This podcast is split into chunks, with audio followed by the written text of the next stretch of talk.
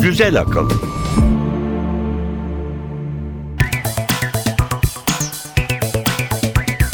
Merhaba, Güzel Akıl 38. bölüme hoş geldiniz. Ben Emre Üç kardeşler. Ben Elif Yılmaz. Bu hafta gündemimizde neler var? Biz nelerden bahsedeceğiz? Kısa bir tanıtımımız var onu dinleyelim önce. Güzel akılda bu hafta. Nur topu gibi kök hücreleriniz olsun ister misiniz? Yollayın yazıcıya, damla damla püskürsün. Nerede kullanacağınıza sonra karar verirsiniz. Taştan alın haberi. Peri bacaları depremler konusunda kimsenin bilmediği binlerce yıllık gerçeği ortaya çıkardı. Taşınmak için gözünüze dev dünyaları kestirdiyseniz boşuna heveslenmeyin.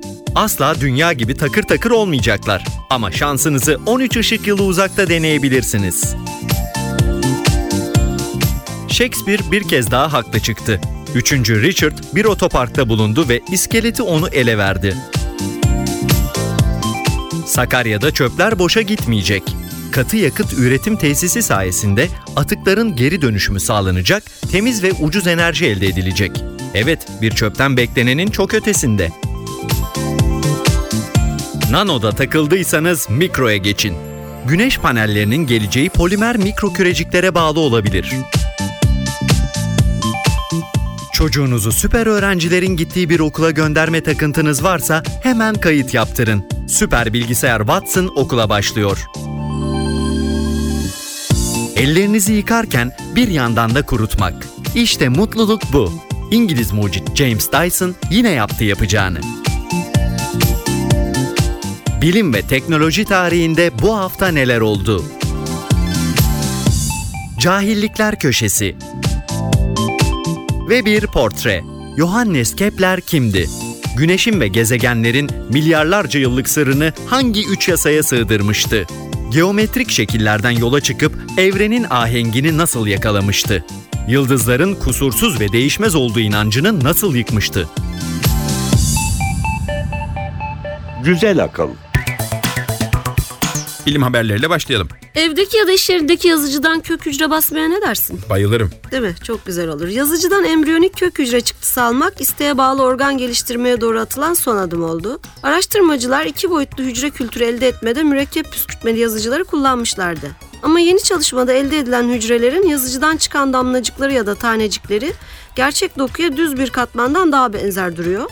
İnsan embriyonik kök hücreleri pluripotent yani tüm bir canlı oluşturabilme yeteneğine sahip olan henüz farklılaşmamış hücreler ki bu da onları yeni organ geliştirme konusunda cazibe merkezi haline getiriyor. Hatta bütün umudumuz onlarda. Fakat Edinburgh'daki Harriet Watt Üniversitesi'nden Wen Miyosh'u müdahaleye hassas olduklarından kök hücrelerin baskısının çok zor olduğunu söylüyor. Baskıya yetişmiyor. Baskıya yetişmiyor değil basılamıyor. Bu zorluğun üstesinden gelebilmek için şu tek bir katman yerine damlacıklar halinde hücreleri dışarı püskürtecek vana temelli yazıcı ağzı üretti. Bunları yapı taşlarına benzeten şu yapısal olarak katı halde olduklarından organ geliştirmek için kullanımlarında iskele benzeri bir şeye ihtiyaç olmadığını söylüyor. Manchester Üniversitesi'nden Brian Derby de bunun çok iyi bir çalışma olduğunu düşünenlerden. Yazıcıya bir hücre damlacığı koyuyorsunuz ve vücuttakine benzer şekilde bir araya gelip yığın oluşturuyorlar. Ama baskıdan sonra da hücrelerin pluripotent özelliklerini koruyup korumadıklarını kanıtlamak gerek diye eklemeden de edemiyor. Şüpheleri var bakalım. Çok heyecan verici bir çalışma. Tabii daha oldukça gelişmeye ihtiyacı var belli ki ama güzel şeyler olacaktır. Evet. Sıradaki haberimiz Sıradaki haberimiz kayalarla ilgili. Bazen bir kaya durduğu yerde çok şey anlatır. Hatta belki de taş yerinde anlatır da denebilir. Güney Kaliforniya'daki Red Rock Kanyonu tıpkı Kapadokya'dakiler gibi ince, uzun ve son derece kırılgan peri bacalarına ev sahipliği yapıyor. Ne kadar kırılgan olsalar da Garlock fayının yanı başındaki bu yapılar geçen bin yılda büyük depremlere rağmen ayakta kaldılar. Bunun da deprem sırasındaki zemin hareketlerinin aslında bu kumdan kaleleri yıkmaya yetecek kadar güçlü olmadığının işareti olduğu düşünülüyor. Çeşitli ölçümlemelerle kayaları oluşturan malzemenin dayanıklılığı çıkarıldı. Bu sayede araştırmacılar son depremlerde zemin hareketlerinin üst sınırlarını ve ivmelenmeyi hesaplayabiliyor. Bölgedeki en büyük depremin 550 yıl önce gerçekleştiği, tahminlere göre büyüklüğünün 7,4 olduğu ve Garlock fayında 7 metrelik kayma gerçekleştiği biliniyor. Fakat Amerikan Sismoloji Derneği bülteninde geçen hafta yayımlanan makaleye göre Payın yalnızca birkaç kilometre ötesindeki peri bacaları yıkılmadığına göre ivme 0,36 G'den ya da dünyanın yer çekimi ivmesinin üçte birinden küçük olmalı. Böyle kırılgan yapılar her ne kadar kolay erozyona uğrasalar da peri bacaları ve diğer kararsız oluşumlar geçmiş depremlerdeki zemin hareketlerini anlamaya yardımcı olabilir. Araştırmacılar modern ölçüm aygıtlarıyla yeterli veri toplamanın mümkün olmadığı durumlarda bu yapılardan elde edilen bilgilerin bir bölge için sismik hasar değerlendirmesine yardımcı olabileceği görüşünde. Bakalım taştan al haberi. Pek hoş. Ağaçlardan sonra kayalardan da geçmişe dair ciddi veriler alacağız gibi. Evet. Sıradaki haberimiz. Günün birinde başka bir gezegene taşınma hayalleri kuranlardan mısın sen de? Hayalini kuruyor değilim ama bir noktada kaçınılmaz olacak gibi görünüyor. O zaman sana bir kötü bir de nispeten iyi haberim var. Önce iyi haberle mi başlayalım? Önce kötü haberle başlayalım. Sonradan sevin.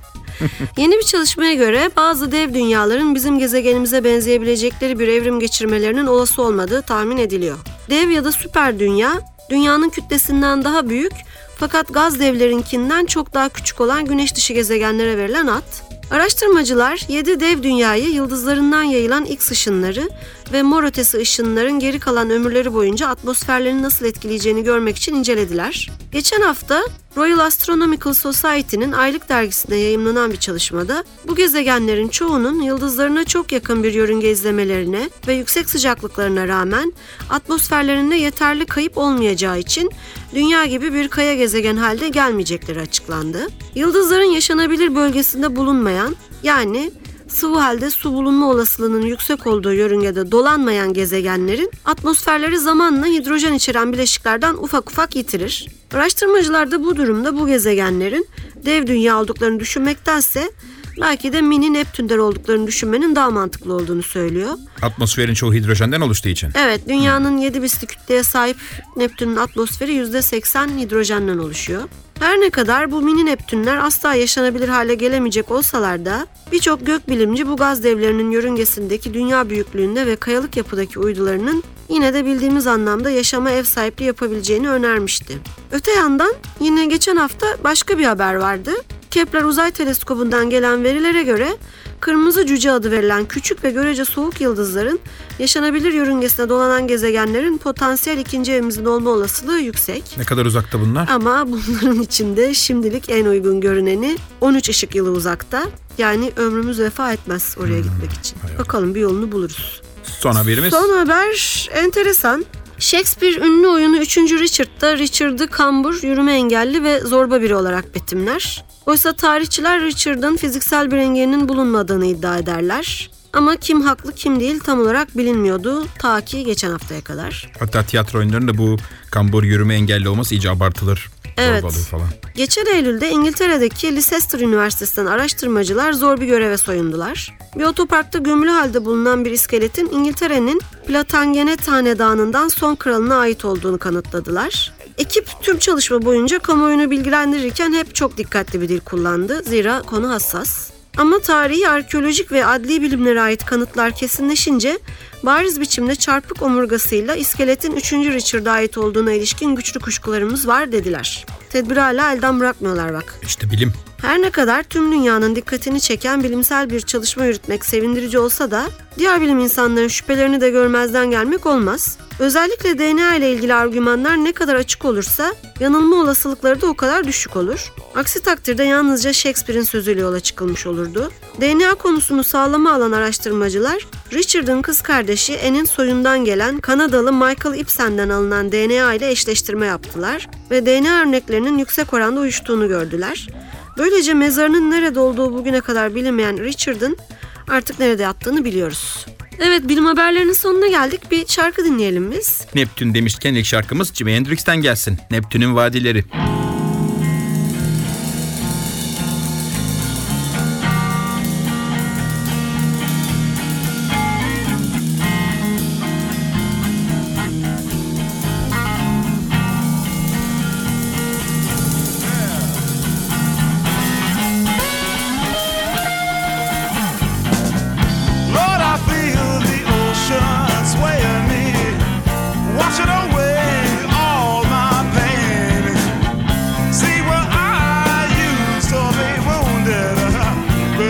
your scars.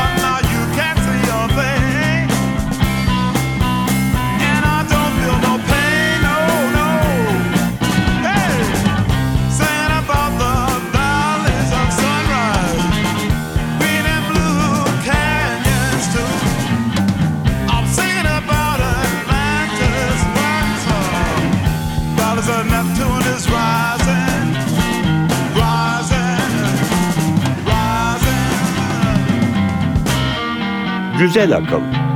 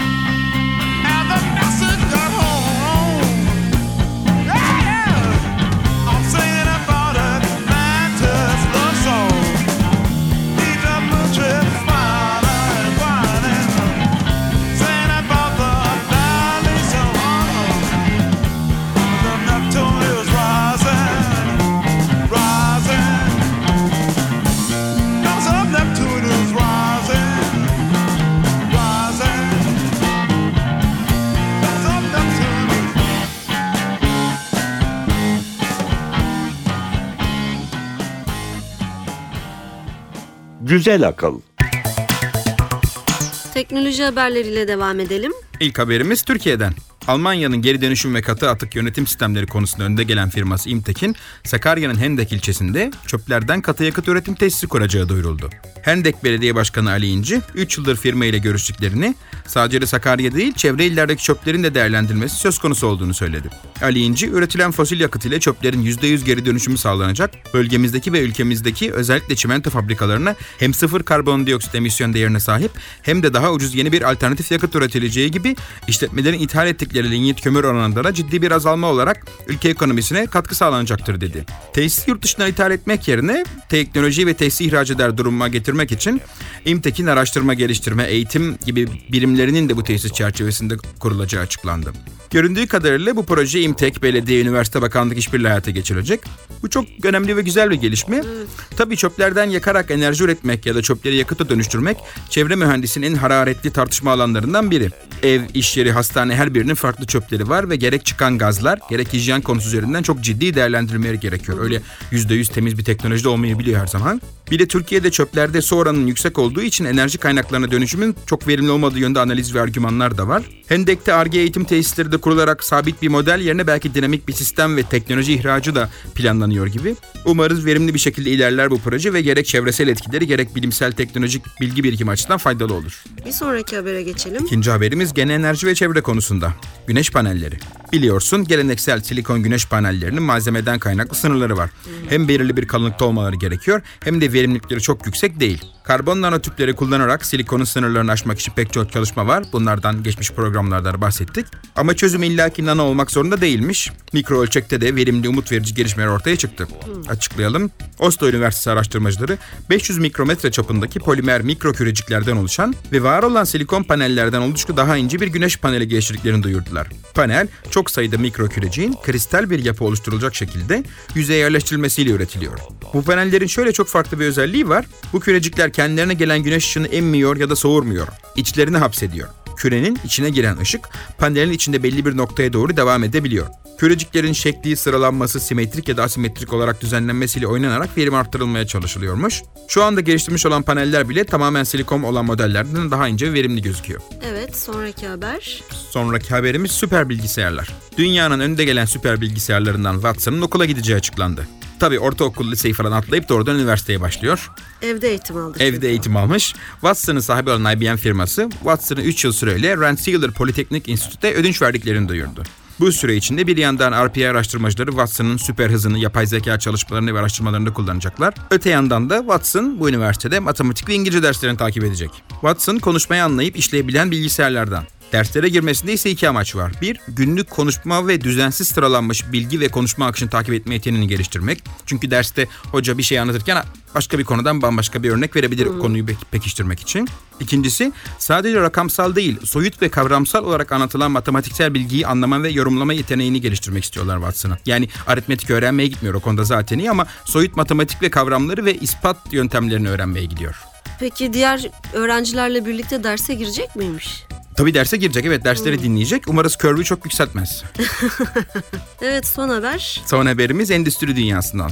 Malum teknoloji sadece bilgisayarlar değil. Geleneksel endüstriyel teknolojilerde büyük gelişmeler oluyor. Bahsedeceğimiz ürün kamu alanlarında kullanılmak üzere geliştirilmiş bir musluk. Ama sadece musluk da değil, musluk ve sıcak hava üfleyen kurutucu bir arada. Dışarıdan bakınca biraz genişi musluk gibi görünüyor. Aslında aynı cihazın bir tarafında musluk, öte tarafında da sıcak hava üfleyen bir sistem var. Dyson firmasının ürettiği bu cihaz ne kadar gerekli, ne kadar popüler olur bilmiyorum. Onu göreceğiz. Ama çok ilgiyle karşılandı. Aslında evet e, Dyson'ın ürettiği her şey çok büyük ilgiyle karşılanıyor. Kesinlikle. Çünkü zaten Dyson kendisi çok popüler bir mucit. Bütün dünyada çok tanınıyor ve çok da sevimli bir insan. Bizim e, NTV Bilim'e de bir yazı yazmıştı Ha, kendisi Bir bize. de Dyson ödülleri var. Her sene en böyle umut vaat eden bir takım icatları değerlendirdikleri. Ve bu kurutucu ve musluk karışımı cihazın geliştirilmesi için oldukça uzun bir sürede milyonlarca sterlin harcanmış. Burada teknolojik olarak heyecan verici olan kısım özellikle sıcak hava üfleyen küçük ama çok becerikli bir elektrik motor ve kanal sistemi. Elektrik motoru yarım saniye içinde sıfırdan dakikada 90 bin dönüş hızına çıkabiliyor ve saatte 700 kilometreye yakın bir hızla sıcak hava üflüyor. 700 kilometre ile üflenen bir rüzgara maruz kalsak ne halde oluruz? Bu kadar küçük bir sistem için bu büyük başarı. Dahası bu çok sessiz bir motor. Dyson'ın söylediği kadarıyla sadece ses ve gürültü konusundaki ideal tasarımı geliştirmek için 20 akustik mühendisi yıllardır bunun üzerine çalışıyorlarmış. Motor ve çeşmenin tasarımının sırları düzinelerce patentle korunuyor ve sır gibi saklanıyor. Evet bir şarkı daha dinleyelim.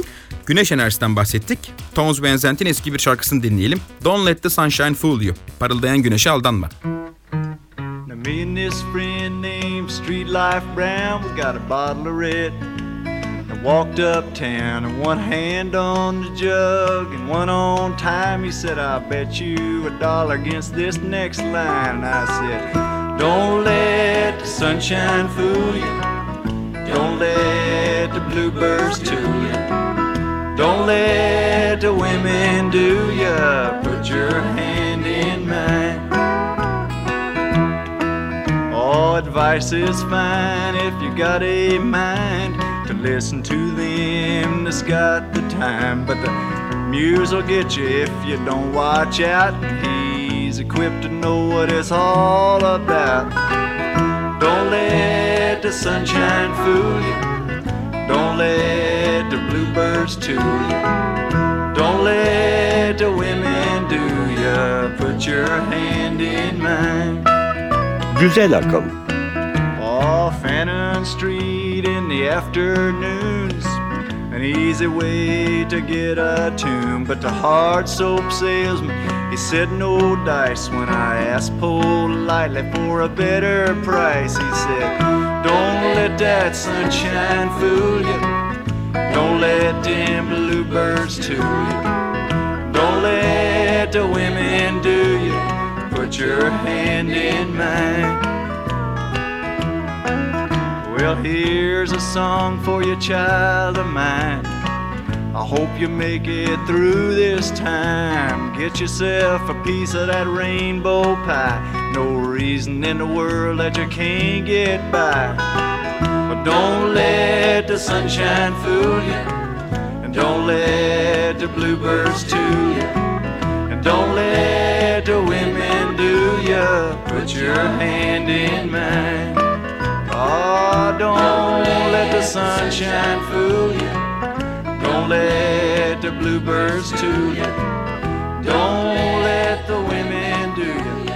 Put your hand in mine. Well, don't let the sunshine fool you.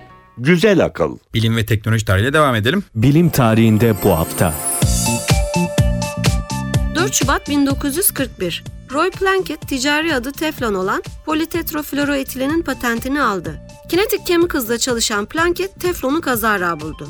Bir soğutucu üzerinde çalışırken basınç altında depolanan tetrafluoroetilenden katı bir kaplama malzemesi oluştuğunu gözlemledi. 5 Şubat 1971 Amerika Birleşik Devletleri Ay'a 3. insanlı uçuşu Apollo 14'te gerçekleştirdi. Alan Shepard ve Edgar Mitchell Ay'a ayak basan 5. ve 6. insanlar oldular. 4 saat boyunca Ay yüzeyine çeşitli bilimsel deney malzemeleri yerleştirip örnekler topladılar. 6 Şubat 1886. Alman kimyager Clemens Winkler germanyum elementini buldu. Gümüş sülfit cevherini incelediğinde bilinen elementlerin ağırlığının yalnızca %93'ünü oluşturduğu Geri kalan %7'lik kısmın bilinmeyen bir elemente ait olduğu sonucuna vardı. Germanyum adını verdiği bu yeni element Dimitri Mendeleyev'in eka silikon olarak öngördüğü elementti. 7 Şubat 1932 Nature dergisinde yayımlanan bir makalede James Chadwick tarafından keşfedilen nötr parçacıktan ilk kez bahsedildi. Chadwick parçacığa nötron adını vermişti. Berilyumu alfa parçacıklarıyla bombardıman tutan Chadwick bu keşfiyle 1935'te Nobel Fizik Ödülü'ne layık görüldü. 8 Şubat 1672 Isaac Newton Londra Kraliyet Topluluğu önünde optik konulu makalesini okudu. Aynalı teleskop tasarımıyla dikkatleri çeken Newton, topluluğa bir ay önce kabul edilmişti. Halbuki optik konusunda çalışmaya 1665'te başlamış, cam prizmadan saçılan renkler ve ışık konusundaki çalışmaları 1672'de yayımlanan Işık ve Renkler hakkında Yeni Kuram adlı kitabında yer almıştı. 9 Şubat 1902 Parisli doktor Eugène Louis Doyen, Amerikalı meşhur sirk topluluğundan Barnum and Bailey Circus'tan Siyam ikizlerini başarılı ameliyatla ayırdı. İkizlerden biri bir yıl sonra yaşamını kaybetti. Doktor Doyen ameliyatları ilk kez filme çekenlerdendi. 1898'de Fransız Siyam ikizleri Radika ve Doduka'yı aradığı ameliyata ait 5 dakikalık bir filmi daha vardı. 10 Şubat 1840 İngiltere Kraliçesi Victoria, konsort prens olarak da anılan kuzeni Albert'la evlendi. Victoria, pıhtılaşma bozukluğuna yol açan kalıtsal bir kan hastalığı olan hemofili taşıyıcısıydı. 9 çocukları olmuştu ve çocuklarından bazıları hemofili hastası, bazıları da taşıyıcıydı. Çocuklar Avrupa'daki diğer hanedanların çocuklarıyla evlendikleri için hastalıklı genler İspanya, Almanya ve Rusya kraliyet ailelerine de taşındı. Bu nedenle hemofili kraliyet hastalığı olarak da adlandırılır. Şimdi sırada cahillikler köşesi var onu dinleyelim. Cahillikler Köşesi 2030'da en büyük katil hangisi olacak? Tüberküloz mu, AIDS mi, sıtma mı, tütün mü? Dünya Sağlık Örgütü'ne göre tütün şu anda dünyada ölüme neden olan ikinci büyük etmen. Dünyadaki yetişkin ölümlerinin %10'unun sebebi tütündür. Yılda yaklaşık 7 milyon insan tütünün yol açtığı hastalıklar nedeniyle hayatını kaybediyor. İstatistiklere göre 1.3 milyar insan düzenli olarak sigara içiyor. Dünya Sağlık Örgütü'nün tahminlerine göre bunların yarısı sigara içtikleri için hayatını kaybedecek. En çok zararı da gelişmekte olan ülkeler görecek. Zira günümüzde sigara içenlerin %84'ü orta ve düşük gelirli ülke vatandaşları. Dünya Sağlık Örgütü'nün 2008'de yayınladığı rapora göre Türkiye dünyada en çok sigara içilen 10 ülke arasında. Dünyada kamusal alanlarda sigara içilmesini ve tütün satışlarını yasaklayan tek ülke Himalayalardaki Butan Krallığı oldu.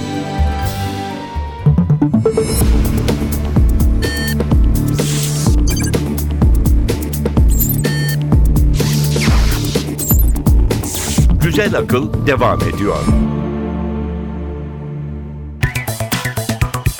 Bu hafta portre köşemizde Kepler'den bahsedeceğiz. Johannes Kepler.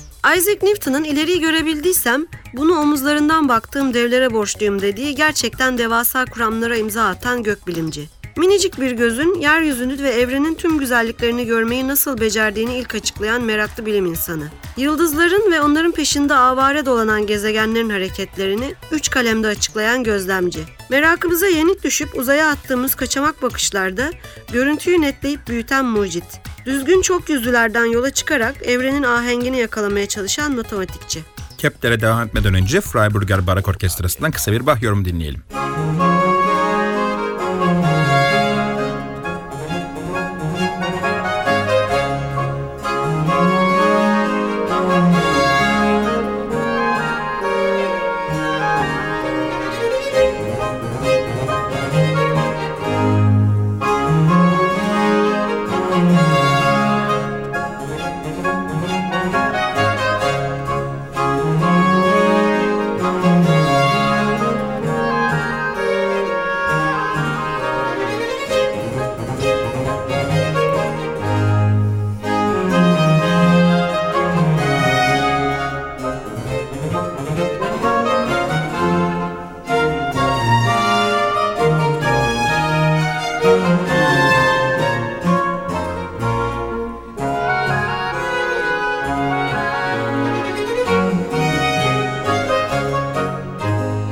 Güzel Akıl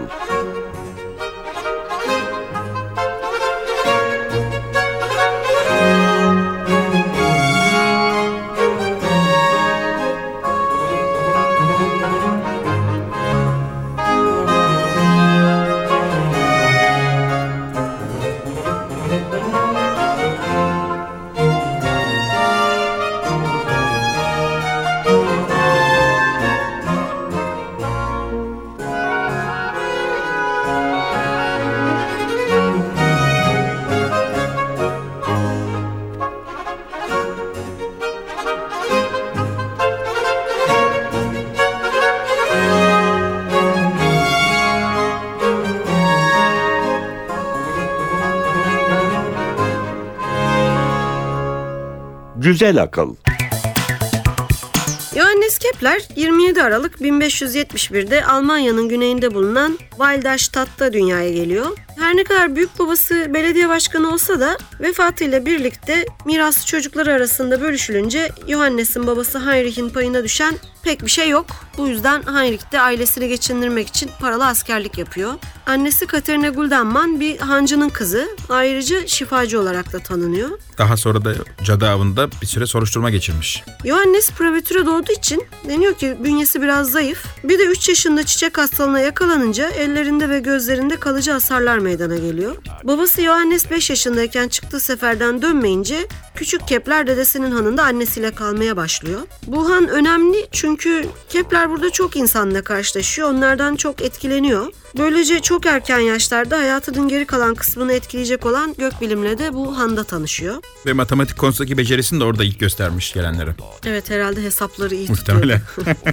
Zayıf ve hasta bir çocuk olduğu için fiziksel çaba gerektirmeyecek bir mesleği olsun istiyor annesi. Bu nedenle ilahiyatçı olmasını öngörüyor. Fakat Kepler de bir taraftan zehir gibi bir çocuk ve Aklı e, matematikte, astronomide. evet Gutenberg Dükü'nün dikkatini çekiyor zekasıyla ve Dük'ün yardımıyla Tübingen Üniversitesi'ne gidiyor. Tübingen'de Kopernik'in güneş merkezli yani heliosentrik sistemini savunan az sayıdaki bilim insanlarından biri olan Mihail Meslin'den dersler alıyor ve o da hocası gibi Kopernik sistemini benimsiyor.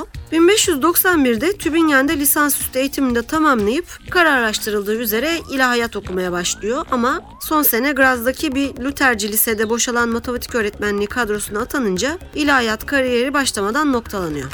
Graz'da matematik öğretirken bir yandan da antik Yunanlı düşünürlerin de etkisiyle evrende var olduğunu düşündüğü matematiksel uyumu araştırmaya başlıyor. Bunun için de Platon cisimleri denen düzgün çok yüzlülerden yararlanıyor. Sayalım bunları. Sayalım. Bir dört yüzlü. Yani yüzeyleri dört eşkenar üçgen olan piramit. Evet. İkincisi küp. Bildiğimiz e, altı yüzlü küp kare. Sekiz yüzlü. Yani 8 eşkenar üçgen, On iki yüzlü. 12 düzgün beşgen, Ve de yirmi yüzlü. 20 eşkenar üçgen. Bu çok yüzlüler köşelerinden birer küre içine yerleştirilebilir. Ayrıca içlerine yüzlerine orta noktalarından teğet olacak biçimde birer küre yerleştirilebilir özellikle. Peki Kepler'in bu Platon cisimleriyle ne işi vardı? Gezegenler için kullanıyor. Evet, Kepler döneminde Kopernik astronomisi her biri bir küre üzerinde dolanan 6 gezegen tanıyordu. Kepler bu 6 gezegenin üzerinde dolandığı kürelerin aralarında 5 Platon cismi bulunacak biçimde iç içe yerleşmiş olduklarını ileri sürüyor. Ve bu görüşü 1596'da yazdığı Evrenin Gizlerini içeren matematiksel araştırmaların habercisi adlı önemli kitabının da ana konusunu oluşturuyor. Böylece kendini zaten astronomi dünyasına kabul ettiriyor bir bilim adamı olarak. Evet. Kepler dönemdaşları ve sonraki bazı bilim insanlarının aksine çalışmalarını paylaşmayı ve diğerlerinin fikirlerini almayı seviyor. Bu nedenle kitabını devrin tanınmış bilim insanlarına gönderiyor. Böylece büyük bilimci Tycho Brahe ile de tanışıklıkları başlıyor. Her ne kadar Brahe Kopernikçi görüşlerine katılmasa da matematikteki etkinliğinden ve astronomi bilgisinden etkileniyor Kepler'in. Kendisiyle birlikteki Prag'daki gözlem evinde çalışmaya davet ediyor. 1598'de Prag'da yaşamaya başlıyor. Evet bir sebebi daha var aslında gitmesinin. Evet. Graz'da protestanlara yönelik baskılar artıyor. Hatta kenti terk etmeleri isteniyor. Bunun üzerine Kepler de ailesiyle birlikte Prag'a göçüyor. Bu arada evlendi. Ondan da bahsedelim. Evleniyor. 1595'te 23 yaşındaki Barbara Müller'le tanışıyor. Barbara daha önce iki kez evlenmiş 23 yaşında olmasına rağmen ve eski kocasından fena sayılmayacak bir gelire sahip. Gençler birbirlerini seviyorlar fakat kızın babası bu evliliğe Kepler yoksul olduğu için karşı. İki yıl kavuşmak için bekliyorlar. Bu arada Kepler biraz önce bahsettiğimiz kitabı yazıyor. Böylece kızın babasının gözüne giriyor ve iki yıl sonra evlenebiliyorlar. Evet çok sayıda çocukları oluyor ama çok sayıda da kayıp yaşıyorlar.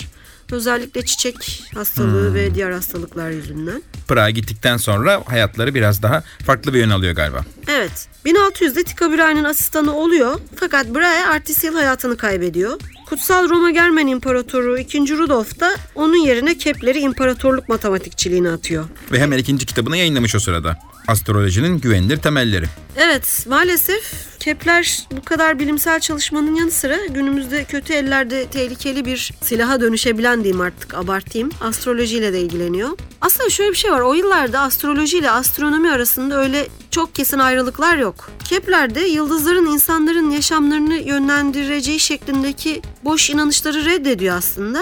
Ama evrenle insan arasında belirli bir uyum olduğunu düşünüyor. Astroloji konusunda da belli bir üne kavuşuyor. Hatta kral da kendisinden sürekli bu konuda danışmanlık alıyor.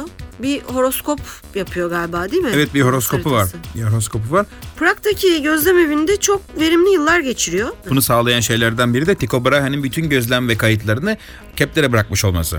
Evet aslında Kepler'in şahsına değil de o gözlem evinde çalışan araştırmacılara bırakıyor ve yerine Kepler geldiği için Kepler de bunlardan faydalanıyor. Ve müthiş matematik bilgisiyle bunları tekrar yorumlamaya başlıyor. Ekim 1604'te ortaya çıkan bir süpernovayı 17 ay boyunca gözlemliyor ve binlerce yıllık bir inanışı yıkıyor. Antik çağdan beri yıldızların kusursuz ve değişmez olduğu kabul edilirken Kepler gözlemleri sonucunda değişmenin pekala mümkün olduğunu kanıtlıyor.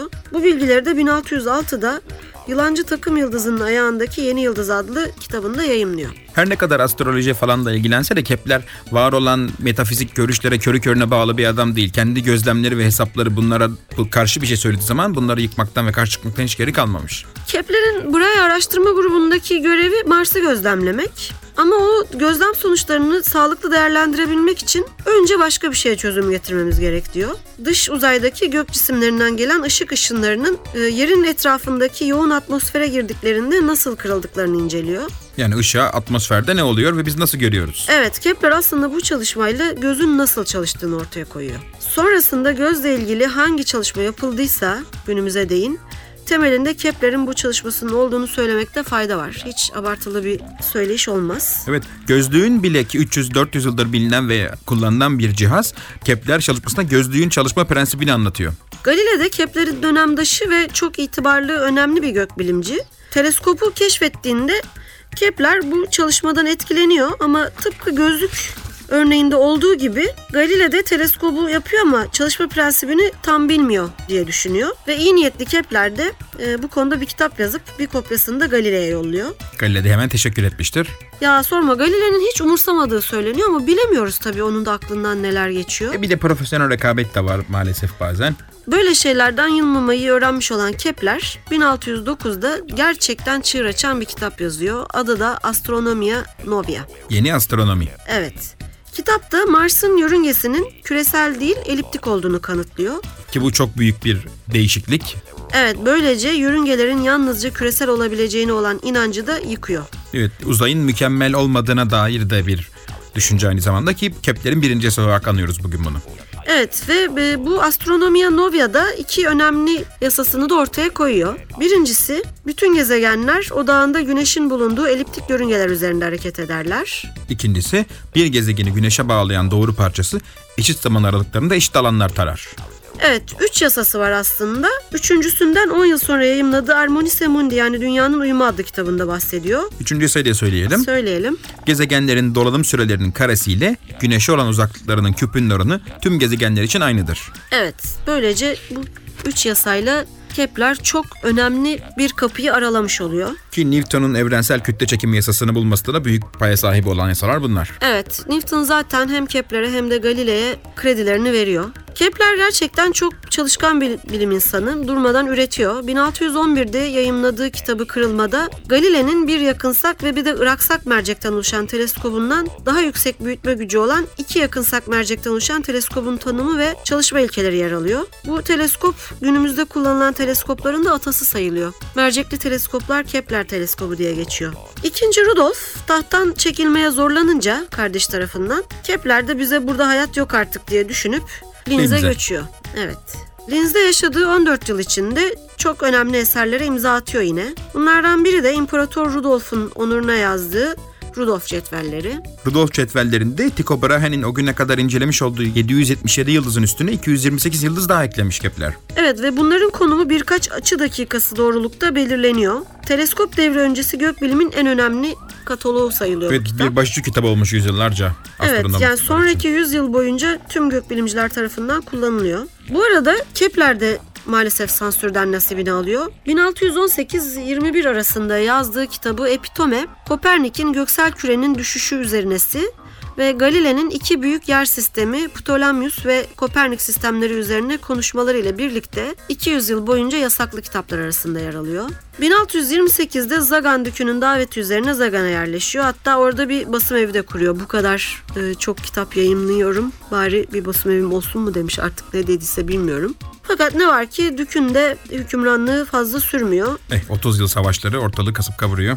Evet, oradan da ayrılmak zorunda kalıyor. Bence yazık. Zavallı Kepler, koskoca Kepler, imparatorun kendisine borcu olan 12 bin florini istemek üzere Regensburg'a gidiyor. Bu da imparatorun bir ayıbıdır. Evet. Fakat meclis toplantılarının bitmek bilmemesi yüzünden beklerken ateşli bir hastalık geçiriyor ve 15 Kasım 1630'da hayata veda ediyor. Üstelik 30 yıl savaşları yüzünden maalesef mezarı da kayboluyor. Evet bugün Kepler'in mezarını bilmiyoruz. Her ne kadar nerede yattığı bilinmiyor olsa da Kepler çağını aşan buluşları ve evrensel düzeni açıklayan kuramları ve yasalarıyla her zaman yaşayacak diyoruz ve bu haftaki programımızı da böylece noktalıyoruz. Bir şarkıyla veda edelim. Yıldızlar, gezegenler, Kepler'den sonra kapanış şarkımız Peki Lee'den. Yıldızdaki salıncak. Hoşçakalın. Hoşçakalın.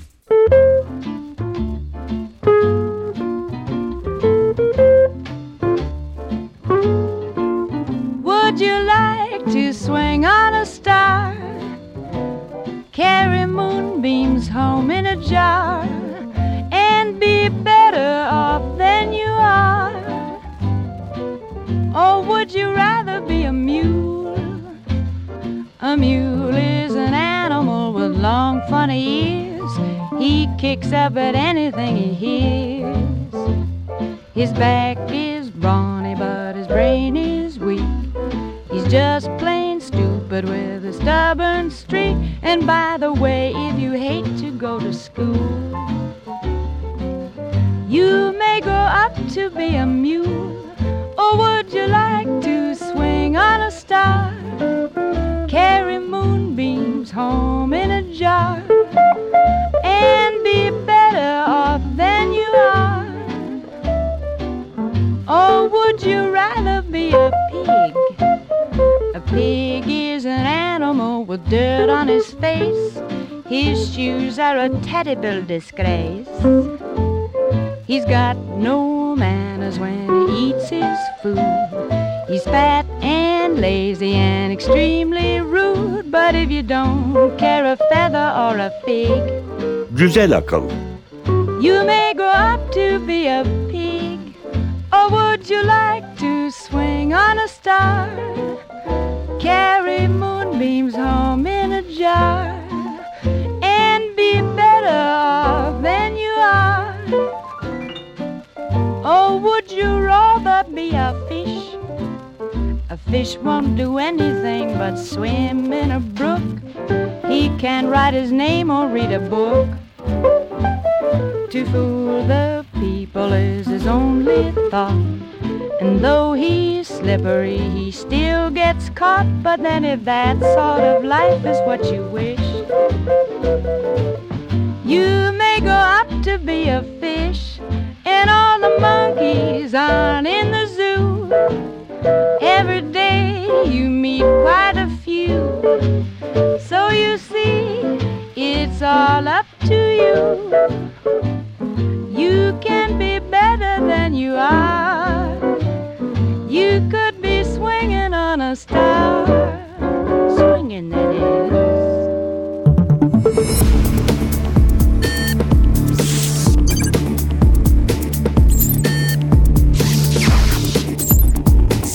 Güzel akıl sona erdi.